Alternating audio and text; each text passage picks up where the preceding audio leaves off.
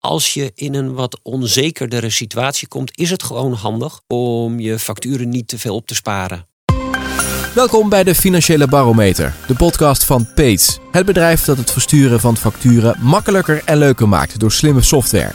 Mijn naam is Tom Jesse, ik ben je host en in deze aflevering praten we over de economie. Komt er nou een crisis aan of toch niet? De gast vandaag uh, zijn Han Mesters. Hij is uh, sectorspecialist bij ABN AMRO. Han, fijn dat je er bent. Dank je. En uh, Sander Kamstra van Peet is bij ons. Welkom Sander. Ja, goedemiddag. We kijken vandaag naar de ontwikkelingen in de economie. Wat zien jullie op dit moment gebeuren als het gaat om de omzet bij jullie klanten, Sander? Want jullie hebben heel veel data. Wat zie je daar gebeuren? Ja, we zien eigenlijk in de laatste jaren, ook sinds de corona, de laatste drie jaar, dat de omzetten gewoon ieder jaar toch blijven stijgen. Terwijl we wat anders verwacht hadden. We hadden verwacht dat aan het einde van de coronacrisis, met het terugbetalen van alle uh, ondersteuning die de overheid geboden heeft, dat er. Uh, meer faillissementen zouden uh, komen. Een, een, teruggang in de economie. Maar dat is, allemaal, niet heel beperkt. Dat is heel beperkt. Je hebt uh, ook uh, cijfers meegenomen van de groei over het afgelopen jaar. Dan hebben we het dus over 2022. Wat zien jullie daar gebeuren als het gaat om die omzetgroei?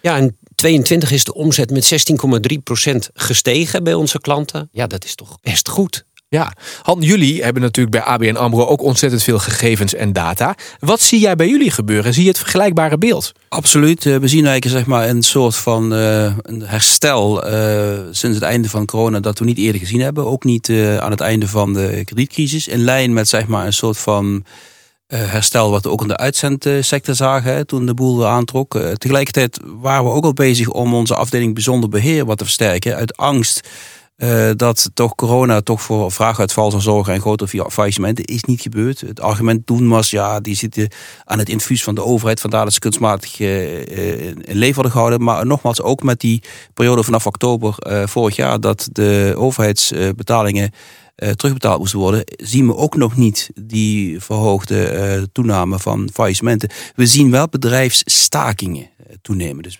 ondernemers die uit eigen vrije wil stoppen. Dat moet je eigenlijk ook meenemen hè, en niet alleen kijken naar de faillissementen. Mm. maar het is bij by far, fingers crossed, nog lang niet zo dramatisch als we gevreesd hadden. Oké, over die bedrijfsstakingen komen we zo meteen nog even te spreken. Hoe verklaar je dit beeld dat we nu zien?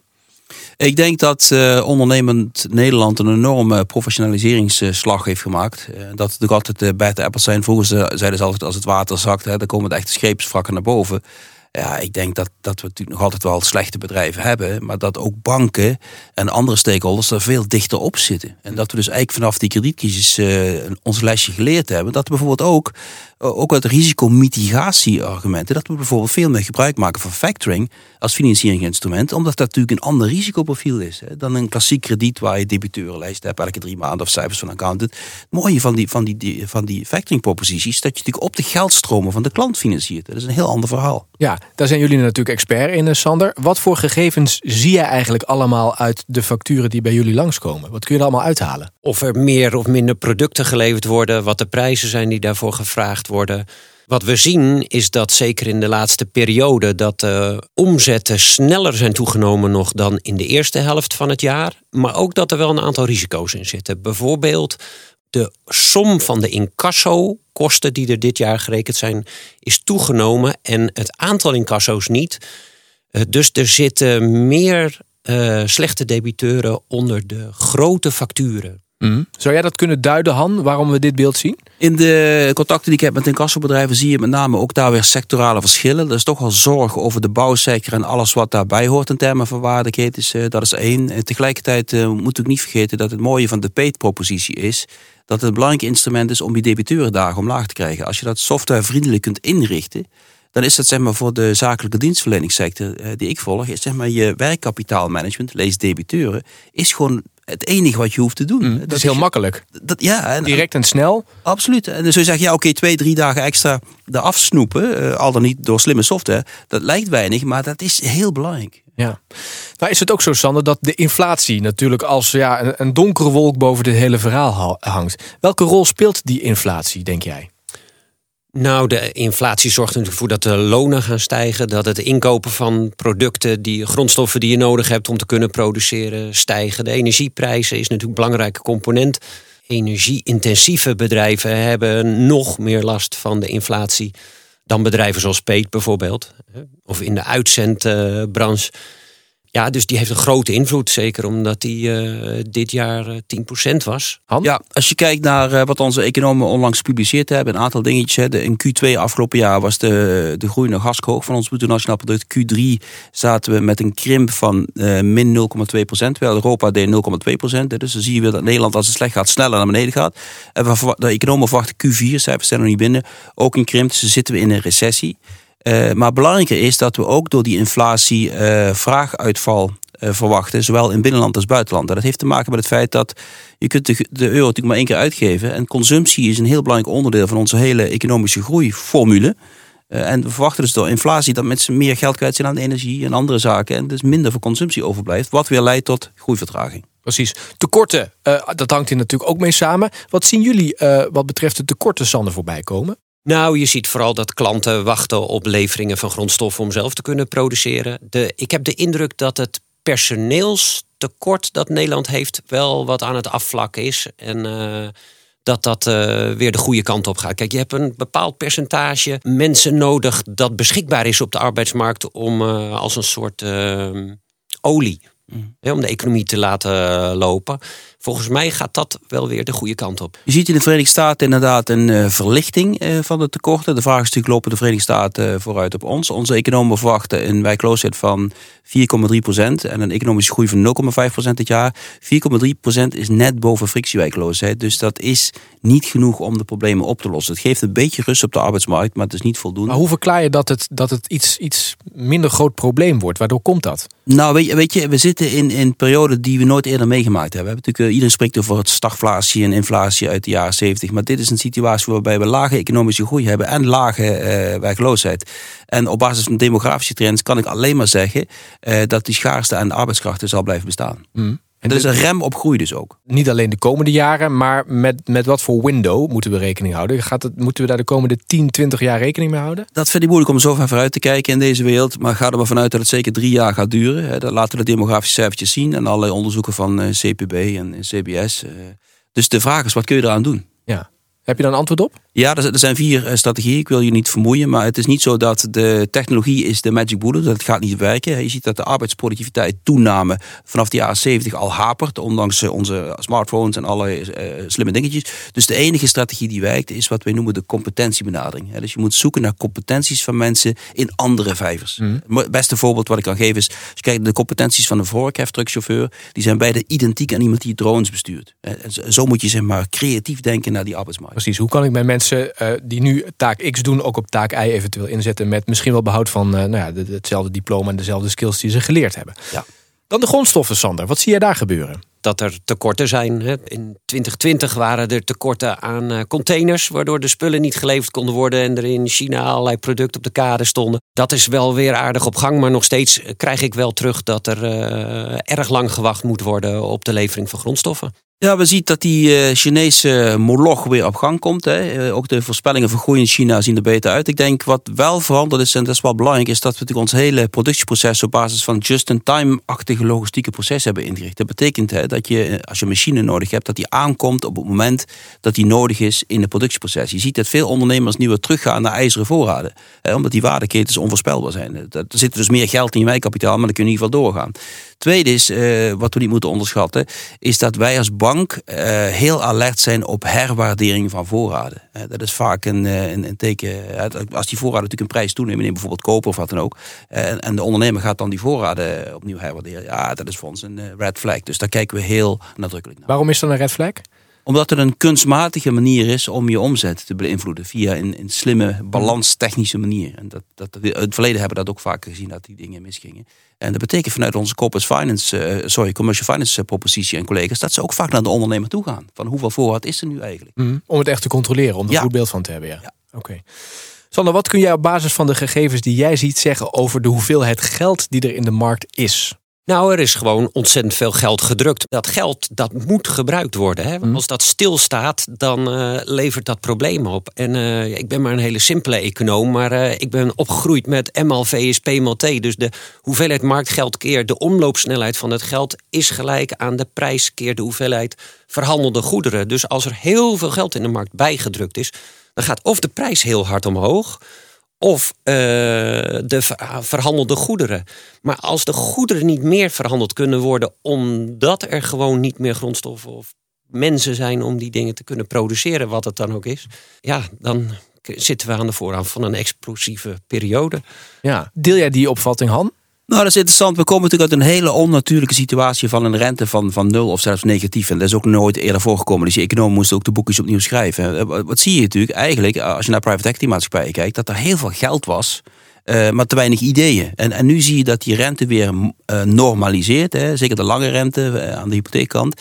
En je ziet dus ook dat um, private equity um, partijen weer gaan kijken naar het businessmodel. En, en dat zeg maar de leverage, hè, dus het inschakelen van goedkoop geld, schuld, minder een reden wordt een rendement te halen. En, het businessmodel wordt belangrijker. Dus we, we normaliseert allemaal weer. Having said that, is er nog steeds enorm veel kapitaal beschikbaar wereldwijd. En ik heb de afgelopen jaren voor het eerst ook zeg maar Amerikaanse private equity partijen Nederlandse bedrijven zien kopen. Want 40, 50 procent van het Amerikaanse eh, MKB is al een handen van private equity. En die zitten met het kapitaal. En ik ook, oké, dan gaan we nu Europa. Ik verwacht niet dat dat verandert. Mhm. Eh, deze situatie in het achterhoofd. Wat is de les voor een ondernemer hieruit? Kijk, er zijn wel eens ondernemers zeggen high finance bullshit, hè, wat je allemaal op MBA's leert. Hè, zoveel mogelijk schuld in je bedrijf steken, want dat is dan fiscaal handig en de leverage is goed voor je rendement. Ik denk dat je gewoon voorzichtig moet zijn uh, met schuld. Hè. Dat is een beetje vreemd dat ik dat zeg van wij van WC Eend, hè, die jongens die de, de schuld verkopen. Hè.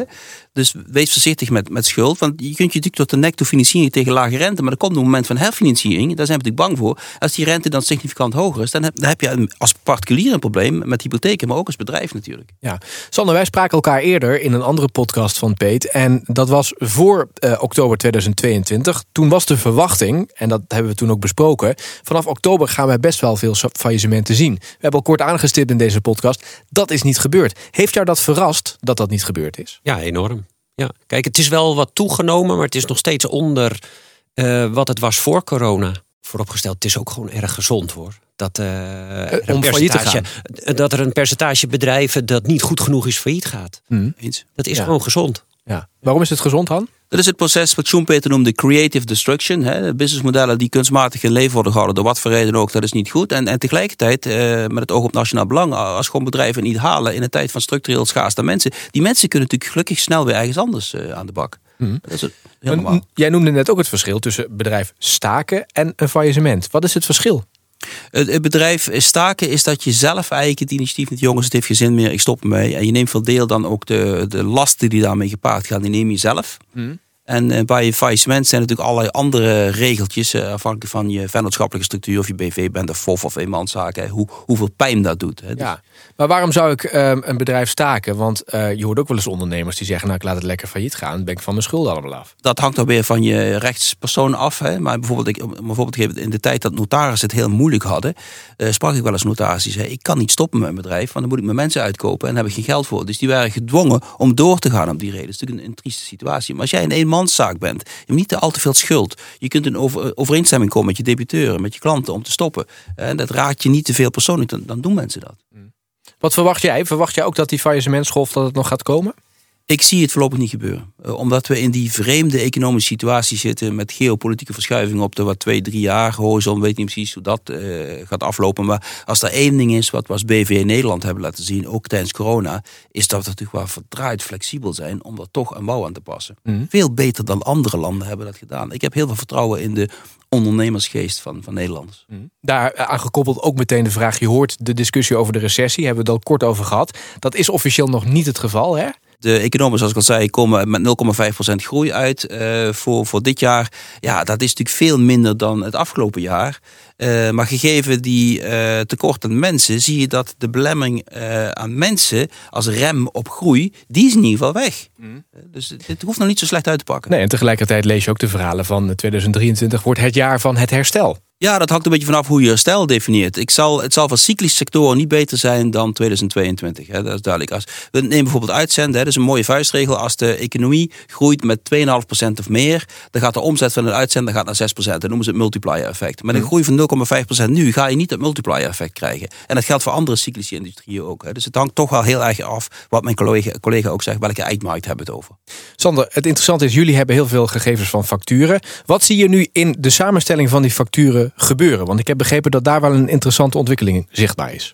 Nog even reagerend op Han. Uh, ik heb de data van de uitzenders toevallig vorige week ook uh, moeten opzoeken. En het raar is, uh, en dat onderstreept waarschijnlijk jouw voorspelling, dat is dat de omzetten in de uitzenders die wij bedienen ook, dat die net zo hoog uh, of omhoog gegaan is als in uh, de andere sectoren. Dus ook minstens 16% groei. Mm uh, ook bij de uitzenders. Inderdaad klopt het natuurlijk dat als het slechter gaat, dan weet je het als eerste via de uitzenders.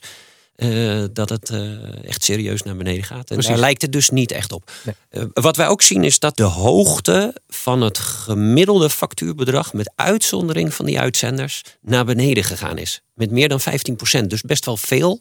Uh, en ik vind dat ook verstandig. Kun je dat uitleggen? Nou, kijk, uh, als je in een wat onzekerdere situatie komt, is het gewoon handig om je facturen niet te veel op te sparen. He, dus uh, zodra je een, uh, een, een, factuur met een beetje bedrag hebt voor een klant, stuur hem gewoon. Wacht niet nog een batch af om, om samen tot één samengestelde factuur te komen.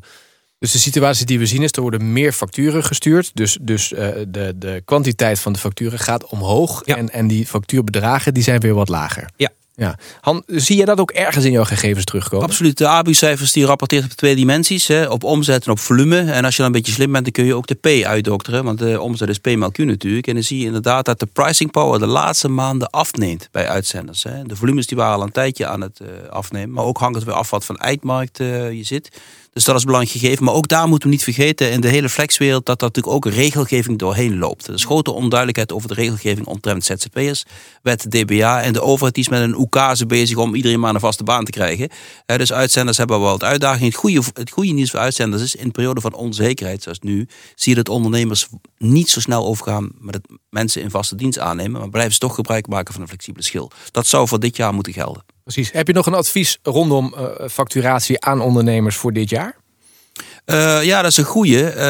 Uh, wat ik al zei, hè, als je dus afhankelijk bent van debiteuren als belangrijkste bron van je wijkkapitaal, hè, dat, dan moet je daar bovenop zitten. En, en alle paar dagen die je eraf kunt snoepen door bijvoorbeeld gebruik te maken van slimme technologie, hè, van Peet, die goed koppelt aan jouw boekhoudsysteem, hè, dat kan een instrument zijn om net dat extra stukje eruit te trekken weer ja.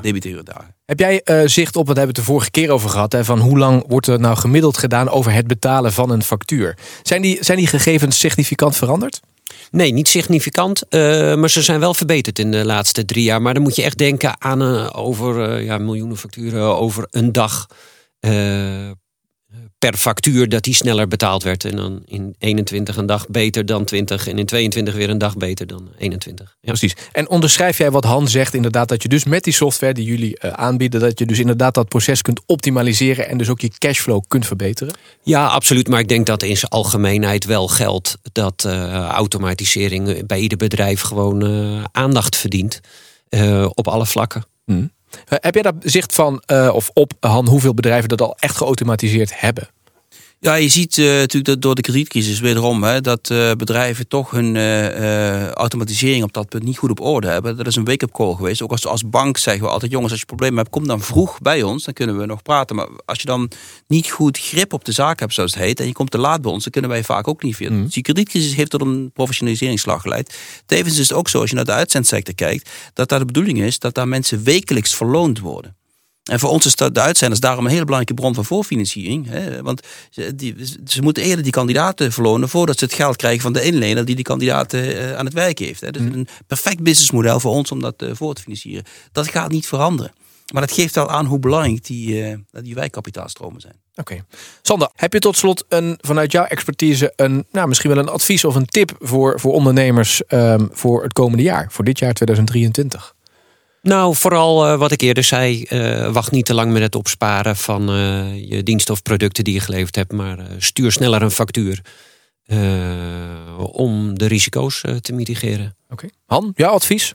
Mijn adviezen zijn never waste a good crisis. Alweer. Hè? Dus, dus 2023 wordt een transitiejaar. Maar kijk vooral naar 2024. Waarbij we erachter zullen komen dat die schaarste aan mensen structureel is. Dus ga nadenken. Wat, wat betekent dat voor mijn ondernemer? Wat betekent dat voor mijn financieringsstructuur? Uh, wat betekent dat voor mijn relatie met, met klanten, met stakeholders?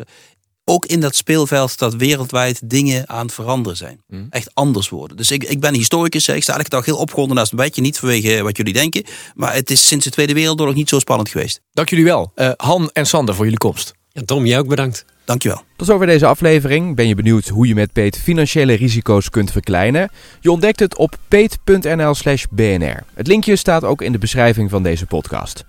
En luister ook naar de andere afleveringen van deze reeks, de Financiële Barometer.